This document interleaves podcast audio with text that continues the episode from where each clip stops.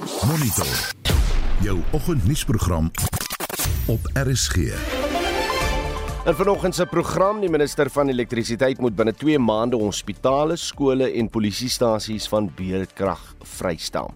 Die president van COP28 los 'n oliebom en Zimbabweërs en Lesotho burgers nog 2 jaar grasie gegee. Welkom by Monitor onder redaksie van Wessel Pretorius. Die produksieregisseur vanoggend is Daitron Godfrey en ek is Oudo Karelse.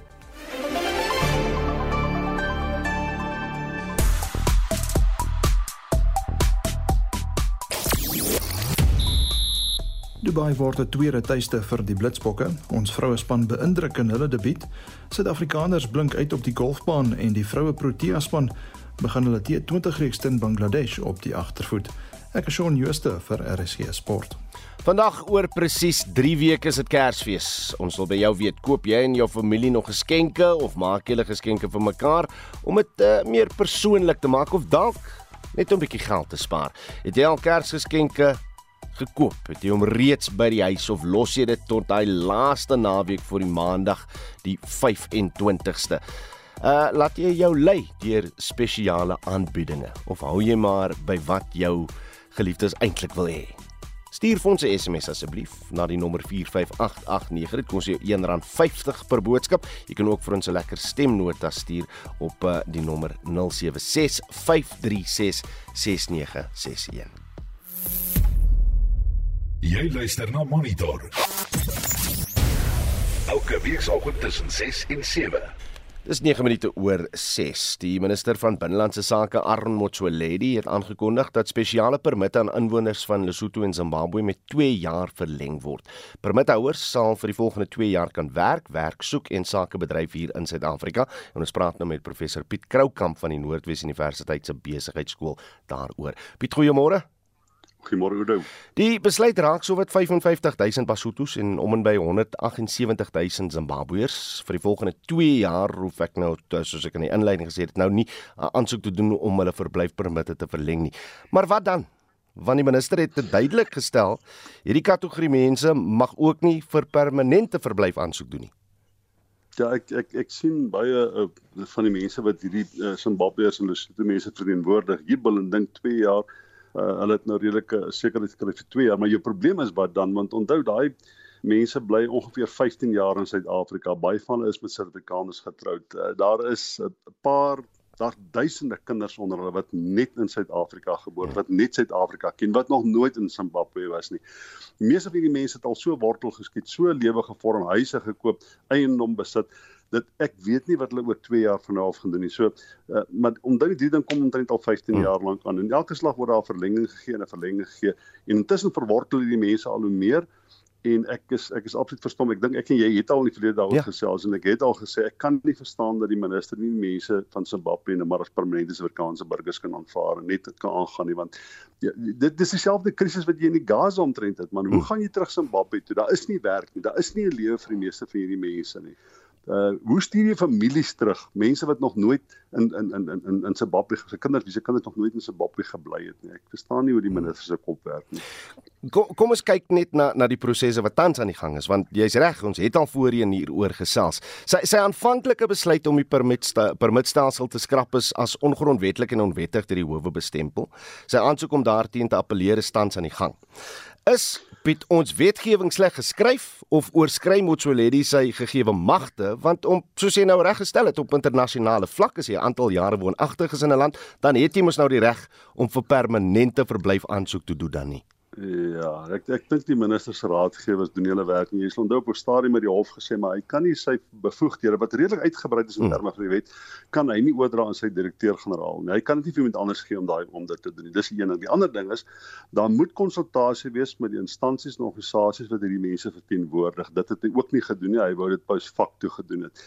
Dan die ander ding is die argument is dit moet rasioneel wees. Dit die minister kan nie arbitrêr besluit ek wil hierdie mense terugstuur nie. Hmm. Want as gevolg van die kompleksiteit van die saak sê die howe, dan moet 'n bepaalde prosesse prosedure wees. Hulle voldoen nie hulle moet voldoen aan die vereistes van Suid-Afrikaanse grondwet en wetgewing. Die minister moet sy werk op 'n rasionele manier uitoefen. So Al wat hy moet doen is as hy deur die normale prosesse gaan het soos wat hy moet doen in terme van die wetgewing, was die probleem waarskynlik al wat hom betref opgelos en die mense was al teruggestuur. Dit is natuurlik 'n hmm. baie groter probleem vir die mense en vir uh, wat is menseregte skending as dit ware as jy al hierdie mense nou terugstuur. Maar dit hy kon dit in terme van die reg kon hy dit al bemagtig het. Hy kon dit al gedoen het. Maar dis verstommend om te dink as jy nou kyk na die hofuitspraak is hoe die minister dit verkeerd kry. Hy hy konsulteer nie met die mense. Dit staan in die wet jy moet hm. konsulteer. Daar moet wyd gekonsulteer word. Daar staan in met rasionele oorweging wees. Daar's baie spesifieke uh, stipulasies vir wat 'n rasionele besluit is in terme van die wetgewing. Nie een van die goed wat word nagekom nie en daag die minister in die hof op. En die hof was die laaste keer was die hof op amper dit amper die minister verneder soos wat die regter se uitspraak gelees het van sê maar is, is dink nie dat jy jou werk doen nie. Hmm. En ehm um, mense sou dink wie is die mense wat hom adviseer? En die ander ding is wat my verstom is uh, hierdie hierdie hierdie ding is voor die kabinet gelê verskeie kere. Het van sy kabinetskollegas nie, het die president nog nie vir hom gesê, luister hierdie ding kom 15 jaar lank aan. Kan ons nie bietjie kyk na die detail van hierdie ding en of julle dit reg doen of wat die probleme is nie. Elke slag word hy goed deur die kabinet goedgekeur as dit ware en die minister gaan hof toe en hy verloor nie hof. Maar dan moet ons daaruit lees dat dit dat dit nie 'n Aaron Motsoaledi ding is nie, maar maar wel uh, wat wat die die die regering ten doel het hier. Man mens met ek, ek het al verskeie kere gesê ek dink dit het iets te doen met met verkiesingspolitiek en in 'n sekere mate het dit seker maar dit kom dan nou al 'n hele klomp uh, klompie jare aan. Maar uh, jy sal onthou ek het op 'n stadium dit vir jou gesê ek dink Action Suid-Afrika het gewys nê nee, dat jy in Soweto kan jy beduidend steen verwerf weer eenvoudig te velde trek teen teen buitelanders wat daar werk, wat daar bly en die argumente voer dat hulle verantwoordelik is vir misdaad en die argumente voer dat hulle verantwoordelik is vir werkloosheid. Nou my vriend Mike Susel voor die dood is dit eendag my gesê daar is 'n beduidende syfer wat daar dui dat buitelanders inderdaad Suid-Afrikaners se werksgeleenthede afneem. So daar's 'n vorm van realiteit ook daaraan verbonde.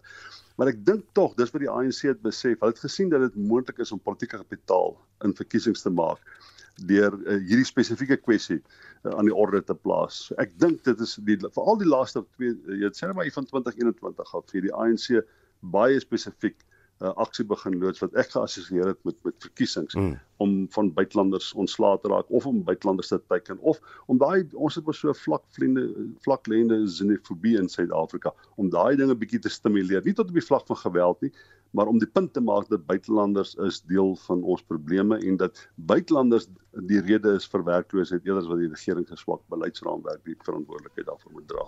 So as ek nog hier is, gaan ek en jy nou seker uh, einde 2025 dieselfde gesprek hê nie. Here Udo, ek is gebore in Namibië. Ek skrik, ek ek's vreesbevange.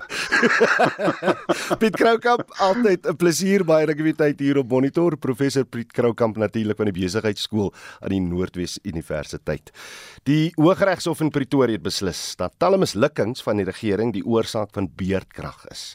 Volgens die beslissing maak dit inbreuk op die basiese regte van Suid-Afrikaners soos in die grond soos die grondwet bepaal. Regter Norman Davies saam met 'n volbank regter sê die minister van elektrisiteit elektrisiteit Gosienso Ramagopa beveel om teen einde Januarie te sorg dat daar genoeg elektrisiteit is om te voorkom dat daar ontwrigting is by skole, hospitale, klinieke en polisiestasies. Nou die hof het die regering en Eskom veroordeel vir die wederwysige blameering van die twee instellings oor beerkrag. Ons praat nou met 'n professor in praktyk aan die uh, Universiteit Johannesburg College vir Besigheid en Ekonomie, Theo Venter hieroor. Theo, goeiemôre. Theo, goeiemôre. Goeiemôre. Daar sê dan, nou kan ons jou hoor. Net net vinnig jou reaksie op die uitspraak deur die hof.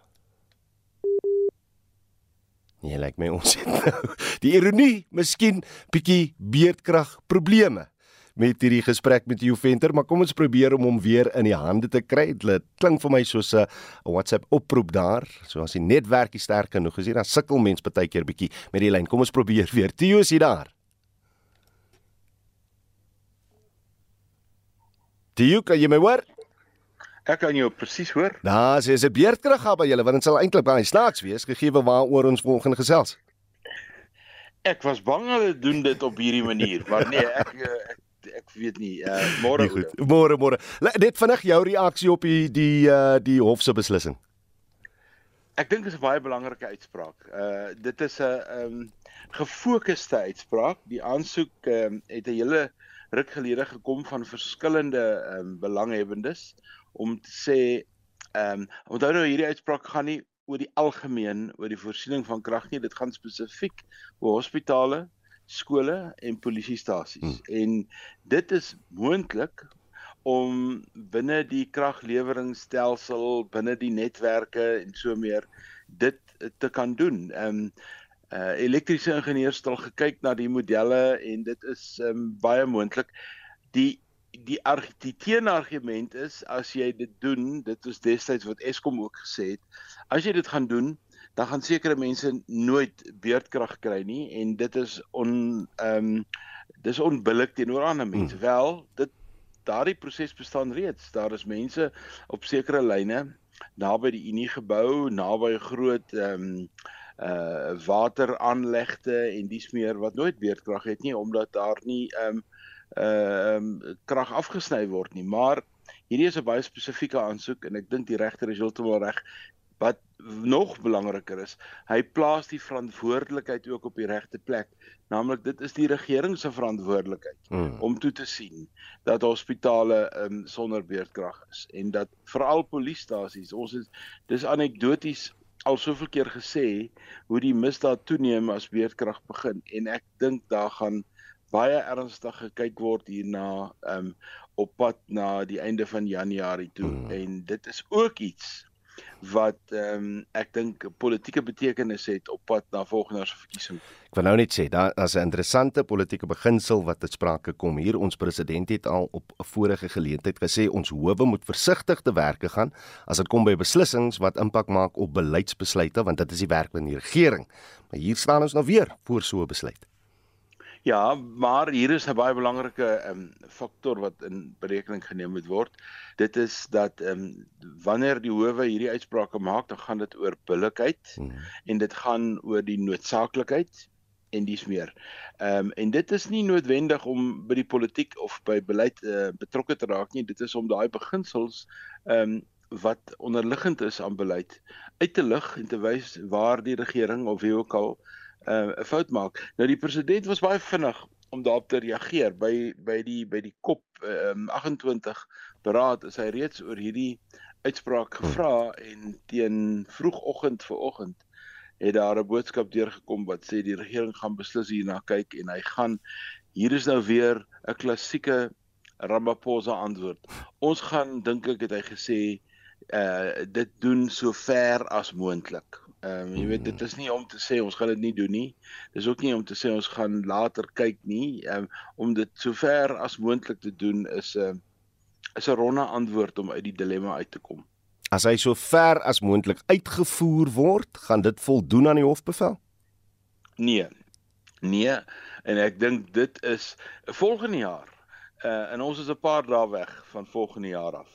Volgende jaar gaan 'n paar van hierdie uh hierdie hierdie faktore wat so hangend in die lug is. Hmm. Onder andere die ene waaroor Piet Kroukamp nou net gepraat het.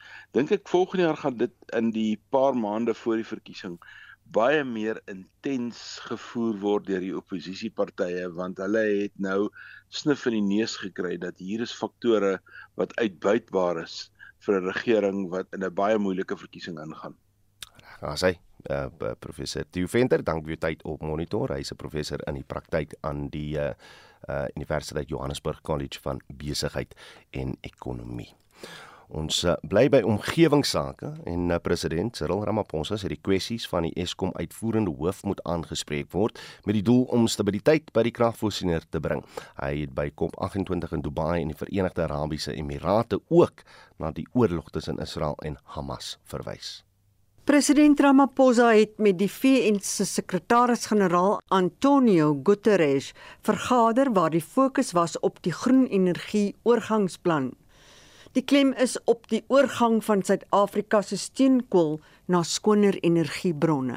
This is the implementation plan to demonstrate our level. You were the first. Well, thank you. Yes. Uh-huh. We're keeping up to it. It was uh, inspired in your example. Nadat hy die G77 beraad toegespreek het, het Ramaphosa tyd geneem om op dringende kwessies in Suid-Afrika te reageer. Dit hou verband met die hofuitspraak oor die verantwoordelikheid van die staat om te verseker dat hospitale en skole elektrisiteit het. We've taken note of the judgment and the judgment really speaks to what we want to see done. We want our schools, we want our hospitals to have the requisite amount of energy.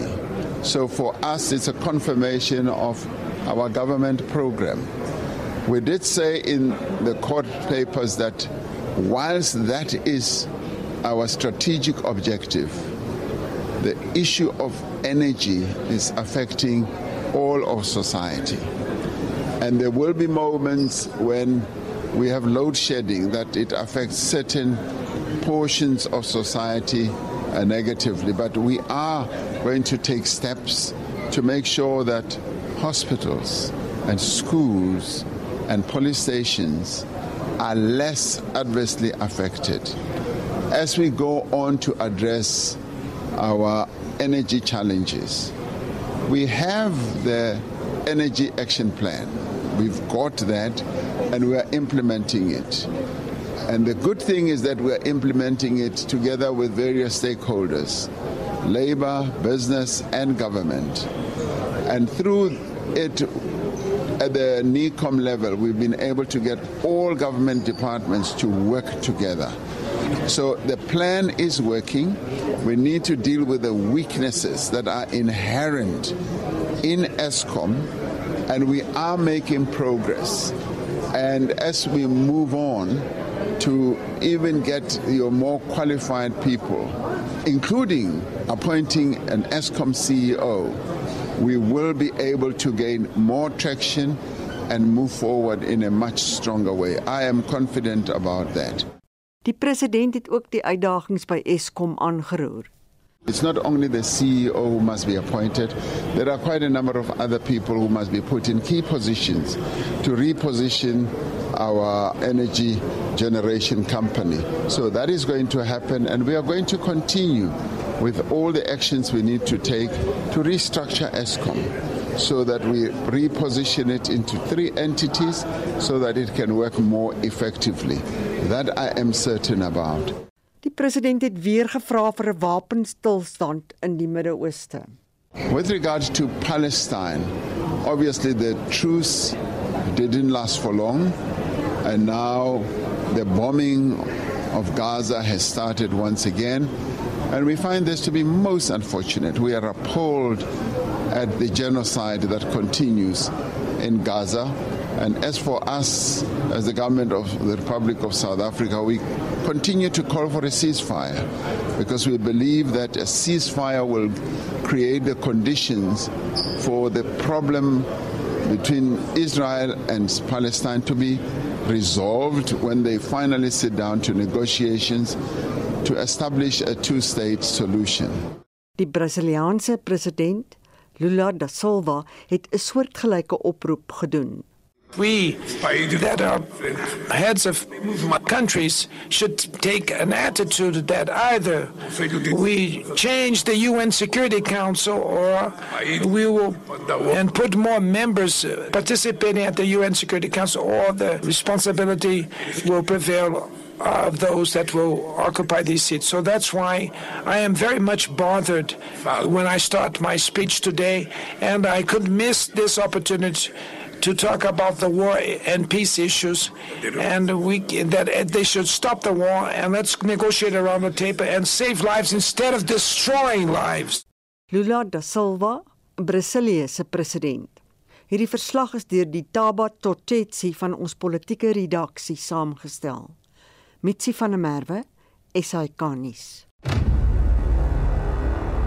Wêreldnuus. Die Israeliese weermag in Gaza spits hom nou toe op die suide van die gebied nadat die weermag inwoners juis aangeraai het om na die suide te vlug vir al veiligheid. Die Israeliese weermag sê nou sy aanvalle daar sal net so vel wees as in die noorde. Ja, oor die nuus volg na 3 dae van bombardering juis in gebiede wat deur die Israeliese weermag as veilig vir inwoners uitgewys is. Nou die weermag sê hy doen alles in sy vermoë om burgerlike sterftes te verhoed en laat val dikwels pamflette uit die lug met kaarte op om inwoners te waarsku waar die volgende teiken gaan wees. Paul Adams, 'n diplomatieke verslaggewer by die BBC, verduidelik egter hoekom dit nie altyd werk nie. They're saying to people in certain numbered areas, these are the areas you have to leave. The trouble is, uh, people don't know where they should leave to. And it is also the case that even though Israel may be concentrating on one particular set of areas, they're also hitting targets elsewhere, outside of those uh, demarcated areas. Anything that the Israelis regard as a high value target where Hamas might have some of its infrastructure or where a Hamas commander might be living, those places are also in danger of being hit. Intussen waarsku die VN teen ongekende paniek in hospitale. Everything's broken down, the war on children has resumed and and with a ferocity at least here in southern Gaza that has not been seen before during this war. Another narrative that is so dangerous this idea of what happened in the north will not be allowed to happen in the south. Well, I can bear witness to its happening. En nou by die spanning op in die uh, Wes-oewer waar sowat 3 miljoen Palestynse mense woon. Ja, daar is 'n groter Israeliese weermag teenwoordigheid in die gebied nou ook, veral waar Israeliese burgers grond beset. Nou hulle teenwoordigheid word as onwettig beskou onder internasionale wetgewing. Aanvalle op Palestynë in die gebied neem volgens internasionale mediabronne toe en Palestynë is gefrustreerd, soos die man wat sy broer in 'n beweerde haataanval verloor het. The lack of security has helped them act like this. The army are protecting them, not stopping them, but the future will be good as God promised us. This land is ours, this country is ours. Nou die konflik in Gaza vuur glo hierdie aanvalle aan en settlers in die Wes-oewer bewapen ook nou hulle self. Hier is een Israeliese inwoner se siening.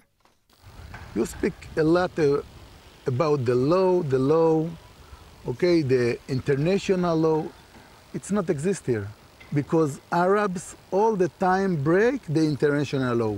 What about all these videos of young men, settlers with guns, intimidating Palestinians?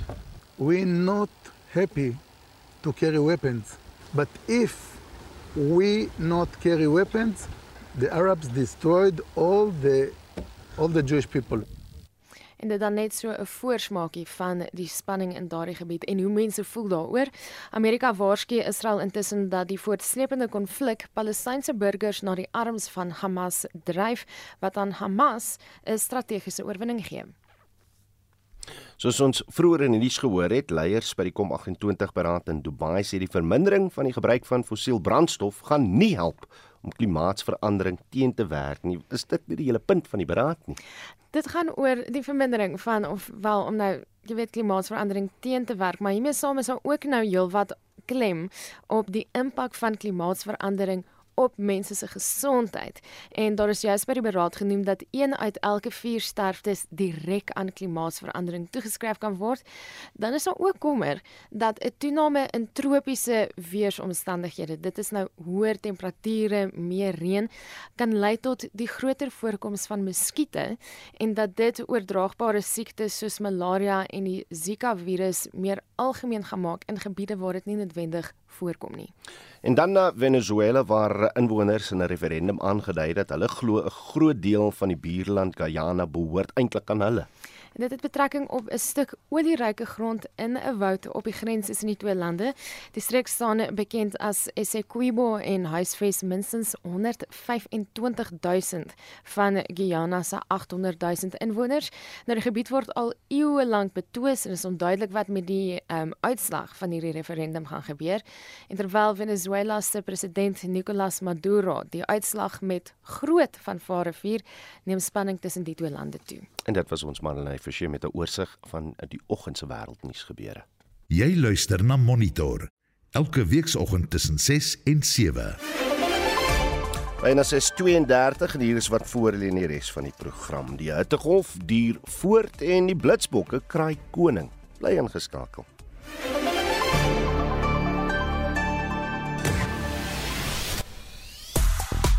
Reg, tyd vir 'n bietjie terugvoer. Nou wil ek eers weet, het julle al julle Kersgeskenke gekoop? Is in presies 3 weke se tyd. Ek het 'n omstrede siening hier oor mm. en baie mense kan dit nie glo nie, maar ons koop nie Kersgeskenke vir mekaar glad nie in ons gesin nie. Ons voel net ons het die hele tyd, ons het die hele jaar mekaar. Mm. So ons koop glad nie Kersgeskenke meer vir mekaar nie. Dit is maar net 'n bietjie moeiliker nou. Mens moet maar die beursies, die beursies maar dun jong. Pas ook mooi met hoe die ekonomie op die oomblik uitwerk, mm. daai besluit. Aan my. En uh, ek nee, ons ook nie want ons is te veel mense in ons familie. So as ons so by mekaar kom, is dit ja nee, ons gaan nie maak vir, tot volgende jaar nie. Ja, my prioriteit is op die oomblik my dogter se uh, uh, verjaarsdag wat vandag gevier word. So ons gaan einde van die week vier. Dan kan ons begin dink aan Kersfees en be ek beloof jou, daar gaan 'n uh, uh, uh, verwagting wees van 'n geskenk. Maar die vraag vanoggend is of julle nog Kersgeskenke vir mekaar koop of maak julle dit liewer net omdat jy so lief is vir julle dierbaarstes of omdat dit bietjie goedkoper is. Uh en op die SMS lyn skryf Stefan Heidelberg, ons vier nie Kersfees nie, dit is 'n heidense instelling van die pausdom. Kobus van Centurion skryf, ek koop nog geskenke, dis lekker om te gee, maar seker ook so lekker om te kry.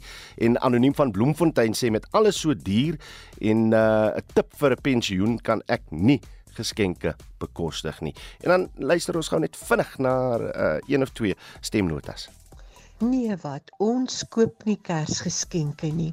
Kinders en kleinkinders woon in oorseese lande en uh, ons spaar daai geldjies en gebruik dit liewer op 'n vakansie. Lieflik stuur nog van julle SMS'e deur na die nommer 45889. Dit kos jou R1.50 per SMS of stuur 'n stemnota na 076 536 6961.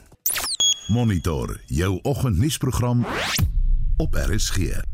Action SA het verklaar dat sy 2024 verkiesingsveldtog die Suid-Afrikaanse droom sal opkikker. Dit is die party se visie van 'n inklusiewe en voorspoedige toekoms vir die nasie. Die partyleier Herman Mashaba het Saterdag bekend gemaak hoe die droom sal ontvou by die bekendstelling in Hammanskraal in die noorde van Gauteng. Mitsi van der Merwe het meer besonderhede. Die politieke party Action SA se president Herman Mashaba het talle mense in sy geboorteplek Hammanskraal toegespreek en gesê die land kan baie beter funksioneer en dat baie burgers steeds vasgevang is in armoede ondanks die demokrasie wat reeds 30 jaar duur.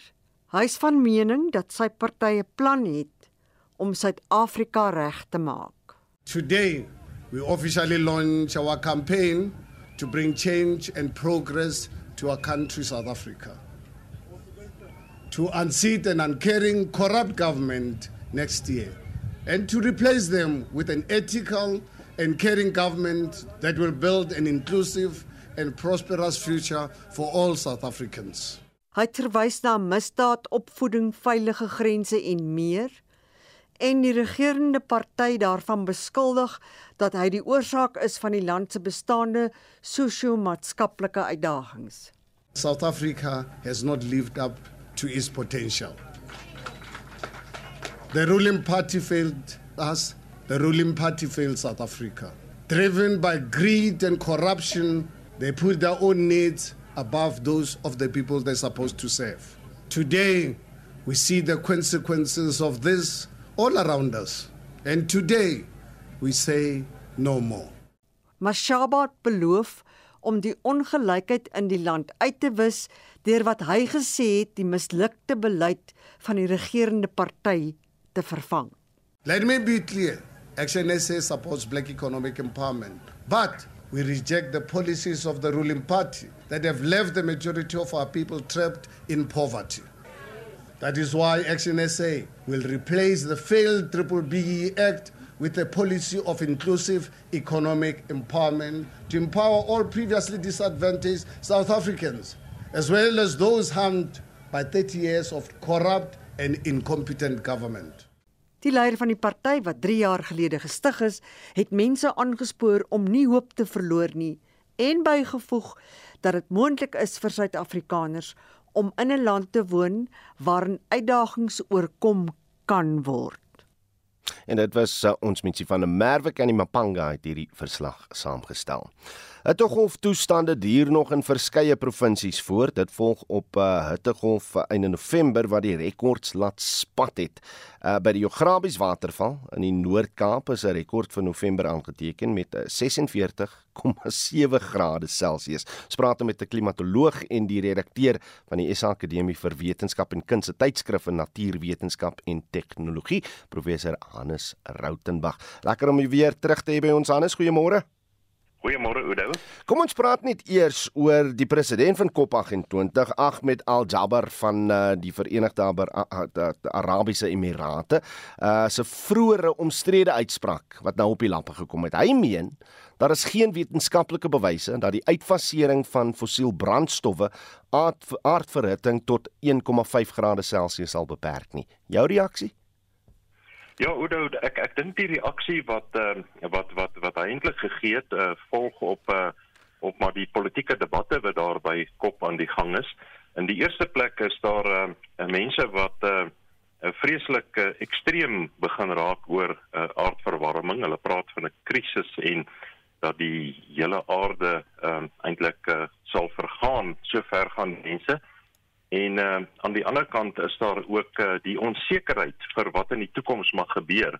Uh, ons weet dat ons uh, vooruitskouings op uh, modelle berus en hierdie modelle het maar onsekerhede en hierdie twee faktore het veroorsaak dat hierdie uitlatings gemaak is hmm. dat uh, dat dat dat dat dat dat koolstofdioksied vermindering nie noodwendig die temperatuur gaan afbring nie.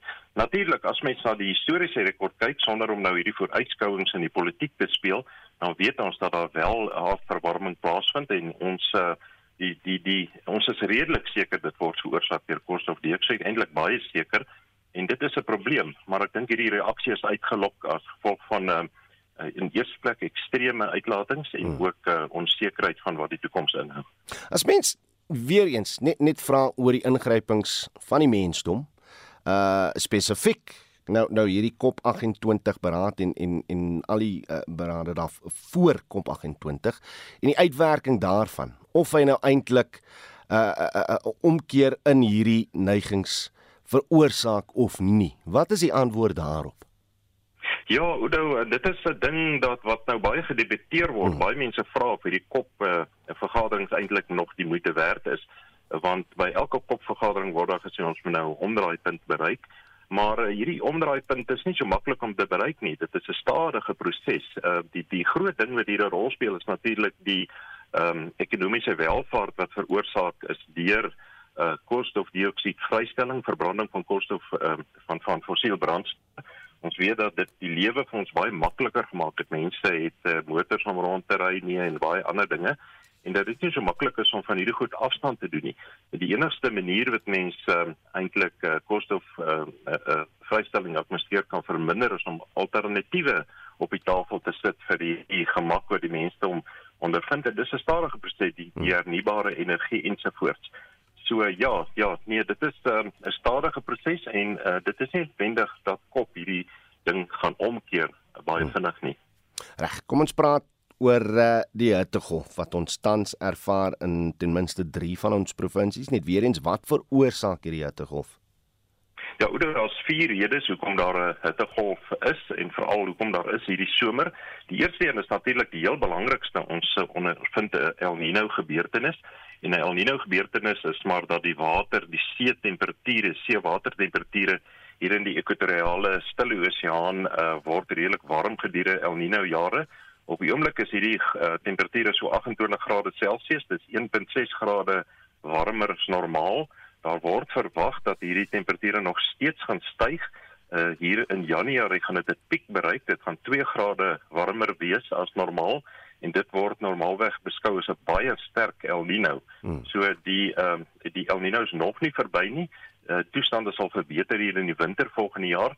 Uh, maar ja, die El Niño is natuurlik 'n baie belangrike faktor en dan die tweede een is gedurende hierdie uh, El Niño jare kom die ehm um, uh, toestand wat mense noem subsidensie. Dit is nou lug wat van die bo atmosfeer afsak veral hier in Suid-Afrika um, baie sterker voor. Nou as lug afsak, dan word dit saamgepers en dit veroorsaak warmer temperature en omdat die lug afsak, uh, verhoed dit ook dat die hitte wat deur die aarde uitgestraal word in die atmosfeer uh, meng met die bo-atmosfeer. Die hitte bly hieronder en dit veroorsaak hierdie geweldige warm toestande wat ons op die oomblik belewe. En dan uh, vierdens natuurlik aardverwarming. Ons sien dat daar rekords spat. Nou die rekord sê vir ons dat die aarde uh, stadig van warmer word en dat hierdie warmtoestande 'n bietjie meer ekstreem raak soos wat die tyd aanloop. Hmm. Tot wanneer gaan El Niño spesifiek vir Suid-Afrika beïnvloed? Ja, hoe ek genoem het, ons verwag dat um, El Niño sy piek gaan bereik hier in Januarie, hmm. so daar's nog heelwat van hierdie hittegolwe wat kom en dan gaan dit stadig begin afkoel hier na uh, ons winter toe volgende jaar Julie, maar hierdie somer is ons maar in vir baie warm toestande en ek dink ons moet nog steeds daarvoor voorberei. Reg. As ons praat van die hittegolf word uh die Noordwes Vrystaat en Gauteng spesifiek hier op die oomblik hierdeur geraak.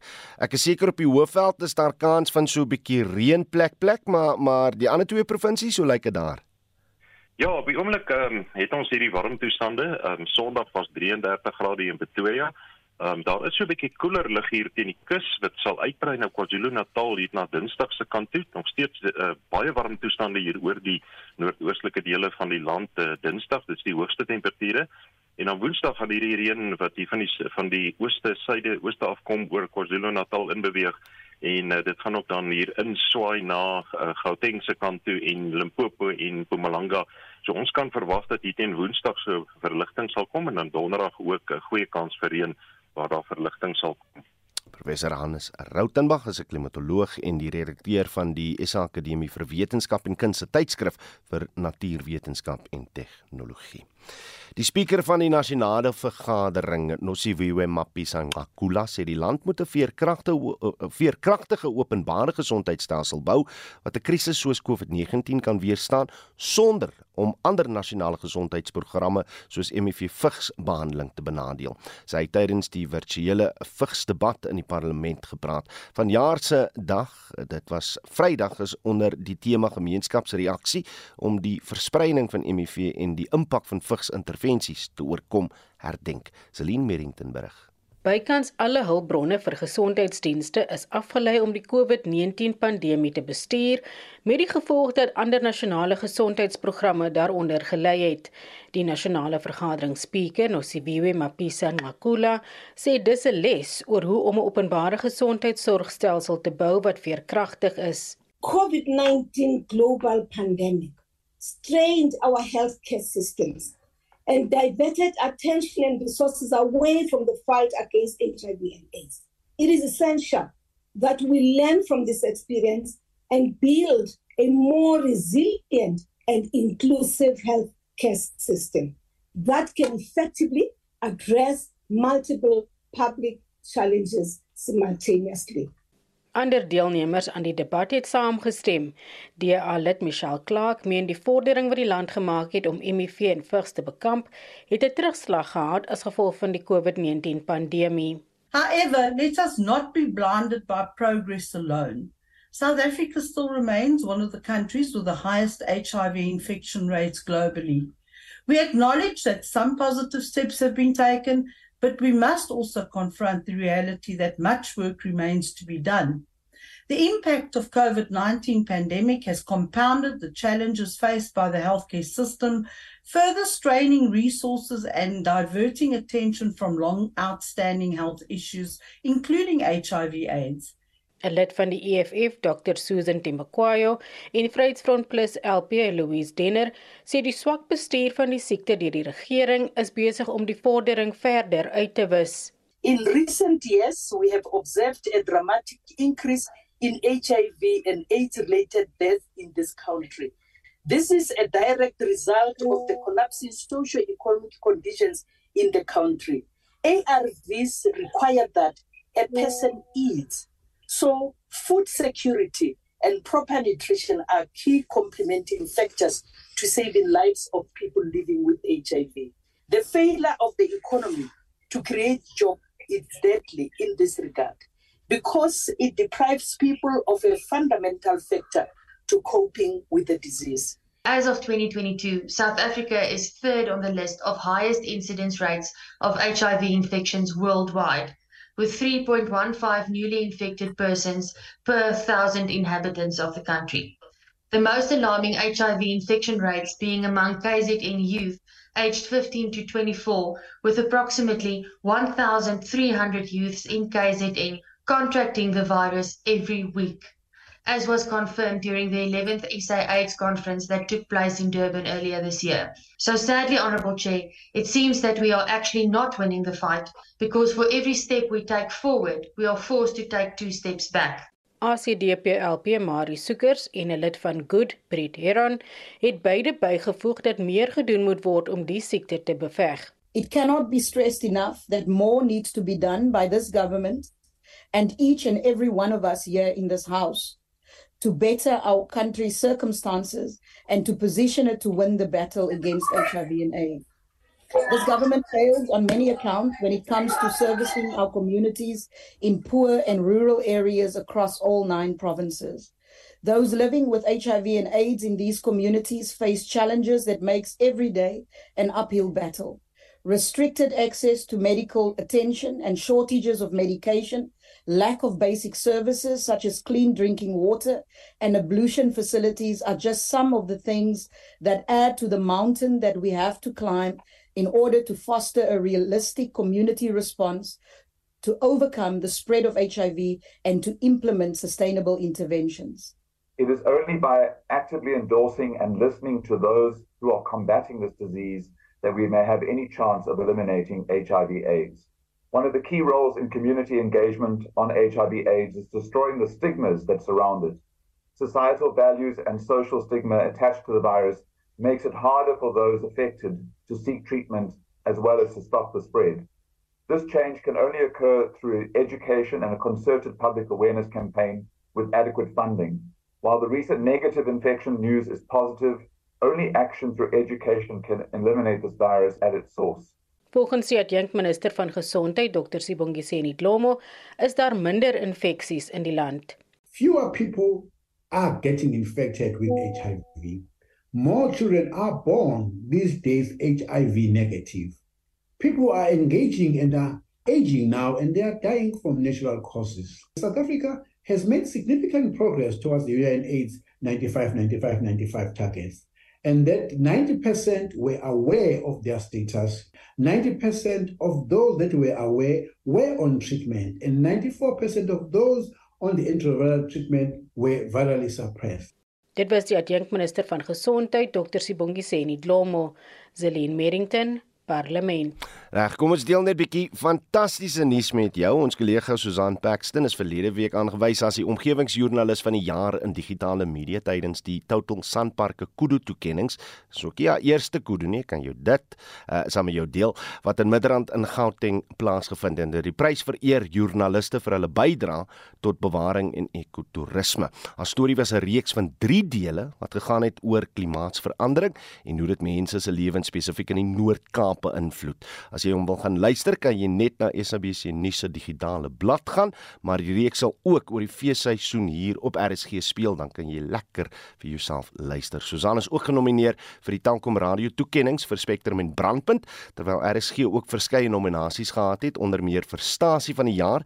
Ons uh, eie Johan Rademan het 'n Tankom Radio toekenning gewen vir die beste drama program Sou die sterre luister uh, en die legendariese Nick de Jager, die aanbieder van Nick se goed op 'n Sondag, is vereer vir sy lewenslange bydrae tot die radio. So baie geluk aan almal.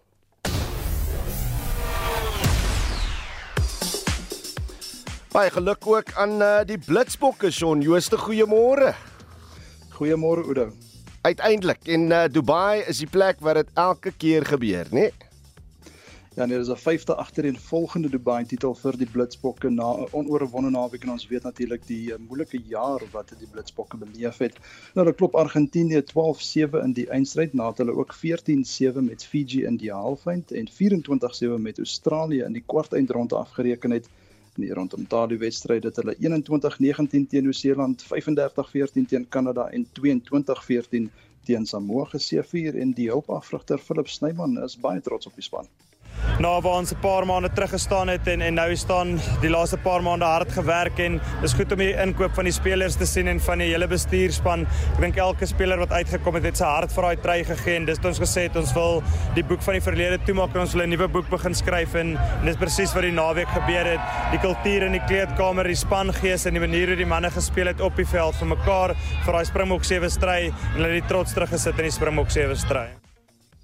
Nou ons vroue span het ook beïndruk en hulle eindig 10de na hulle 17-0 oorwinning oor Spanje en 'n 12-5 nederlaag teen Japan in die uitspelfase. In die groeps groepsfase was daar 'n nanskrap nederlaag teen Nieu-Seeland en Fiji. Nou kom ons hoor van die afrigter Renfred Dazzle. Ek dink hulle het baie goed van hulle taak gekwyt, die manier op wat hulle gespeel het, die dringendheid wat hulle gebring het na die span toe. En ook ons het geweet as afrigters om 'n tweede toernooi en by uh, wedstryd 4 en wedstryd 5 gaan dit altyd baie baie moeilik wees, lywe gaan seer wees en jy moet weer gaan veg vir mekaar. Maar baie baie trots op die meisies. Ons het 12de in die toernooi ingekom en ons eindig as uh, op in 'n 10de plek. Baie baie gelukkig. Ek gaan bly by rugby en ons praat nou oor die Verenigde Rugby Kampioenskap. Hoe het die naweek afgeloop? Bro, die uh, Lions het die Dragons met 49-24 afgeronsel, dis ten spyte van 'n rooi kaart in die eerste helfte. Die Bulls lyk baie gevaarlik en het die Sharks oortuigend met 44-10 verpletter en die Stormers wen 31-7 teen Zebre Parma. En uh, die 113de SA Golf Ope Trofee is nou weer in plaaslike hande. Ja, die in Bumster het die SA Ope titel met 'n eindtelling van 11 hou onder die baansyfer ingepalm. Dis 3 houe minder as sy naaste teenstanders, terwyl Alton van der Merwe die Freddy Tydbeker lig as die beste plaaslike amateurspeler en Ashley Bewa het die het verdedig haar Australiese Ope en eindig daardie toernooi op 9 hou onder die baansyfer as sy wen met 1 hou. En ek sien in die T20 reeks teen Bangladesh het die besoekers gister bietjie uh, geskiedenis gemaak met hul heel eerste oorwinning hier in Suid-Afrika. Ja, dalk so effens vir Roos uh, vir die Proteas, uh, maar nou ja, die Banglad Bangladesh wen daardie wedstryd met 13 lopies, soos jy sê, hulle, hulle eerste oorwinning in Suid-Afrika. En uh, ek sien die kaptein Laura Wolfhard word terugverwag vir wedstryd nommer 2 in Kimberley, dis nou Woensdag aand, nadat sy die Adelaide Strikers oor die naweek in die vroue Big Bash League gehelp het om daardie trofee te lig en dan het sy vinnig in mans cricket in Australië met 6 lopies geklop en hulle wen hulle T20 reeks 4-1. As hy in die eindstryd vir die Kaling beker hy's nou bevestig son. Ja, Stellenbosch FC het Richards Bay oor die naweek eh, weg met 3-0 getroof en TS Galaxy het AmaZulu ook weg met 3-2 uitoorlê. So Stellenbosch en Galaxy pak mekaar op die 16de Desember in die eindstryd. En kom ons kyk net so vinnig na 'n paar Engelse Premier Liga uitslae. Manchester City 3, Tottenham Hotspur 3, Chelsea 3, Brighton and Hove Albion 2, Liverpool 4, uh Fulham 3 en dan so 'n bietjie eindig Newcastle United 1 Manchester United 0. Manchester wie? Sean Jooste daar van RSG Sport.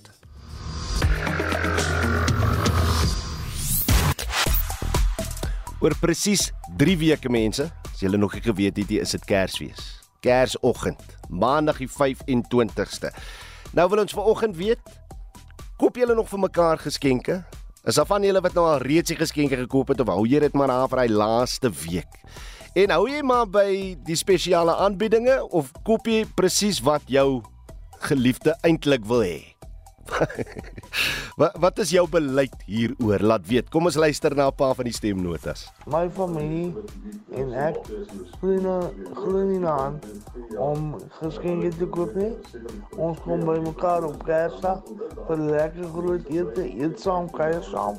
En dit is nie tot op Kersfees. Ag weet jy Kersfees is so lekker. En ons familie het al 'n paar jaar gelede begin om vir mekaar jou favourite tee of koffie of selfs lekkers te koop wat ek weet uh, my dogter byvoorbeeld nie vir haarself sal koop nie. So op daai manier bederf ons mekaar, maar ons koop nie meer hierdie snert net omdat jy 'n geskenk moet hê nie. En dit is vir my lekker om Kersfees te hou ter wille van van die kleintjies. Daai ou kersaand hou ons gewoonlik ons kersboom en dis heerlik vir die kleintjies. Ek koop ook kersfees presente nie want albei van my dogters verjaar in Desember maand in 18 en in 28 en Kersfees geskenke vir die koop en ook vir my kleinkind. As 'n pensioner kan ek dit ook nie bekostig nie. Ek graag wou ek maar jammer Ek hoor jou meneer, ek hoor jou. En dan skryf Marianne van Hartenbos vir ons op ons SMS lyn. Sy sê goeiemôre. Ek maak verrassingssak deur die jaar vir kinders en hulle gesin deur die jaar wat ook gemaakte artikels aansluit. Uh vir die wat Kersdag by mekaar is word 'n lysie gevra wat ongeveer R150 se artikels insluit en dan word 'n geskenk gekoop. So elkeen kry net een geskenk en dit werk goed vir ons. Marina skryf ons speel 'n speletjie, elkeen koop 'n geskenk so onder R100 gooi in 'n mandjie en elkeen kies 'n geskenkie en ruil uit onder mekaar altyd interessant. Hoe maak jy? Het jy al reeds jou geskenke gekoop? Onthou oor presies 3 weke. 3 weke mense. is dit Kersdag. Laat weet, stuur vir ons 'n SMS na die nommer 45889. Dit kos jou R1.50 per boodskap of maak soos hierdie luisteraars gemaak het en stuur vir ons 'n stemnota op WhatsApp na die nommer 0765366961. Ons groet dan namens ons uitvoerende regisseur Nicoline Lou, ons redakteur is Wessel Pretorius, ons produksieregisseur is Daitron Godfrey en ek is Udo Karelse. Geniet die res van die dag in die geselskap van RSG. Ons môreoggend weer terug op monitor tussen 6 en 7. Totsiens.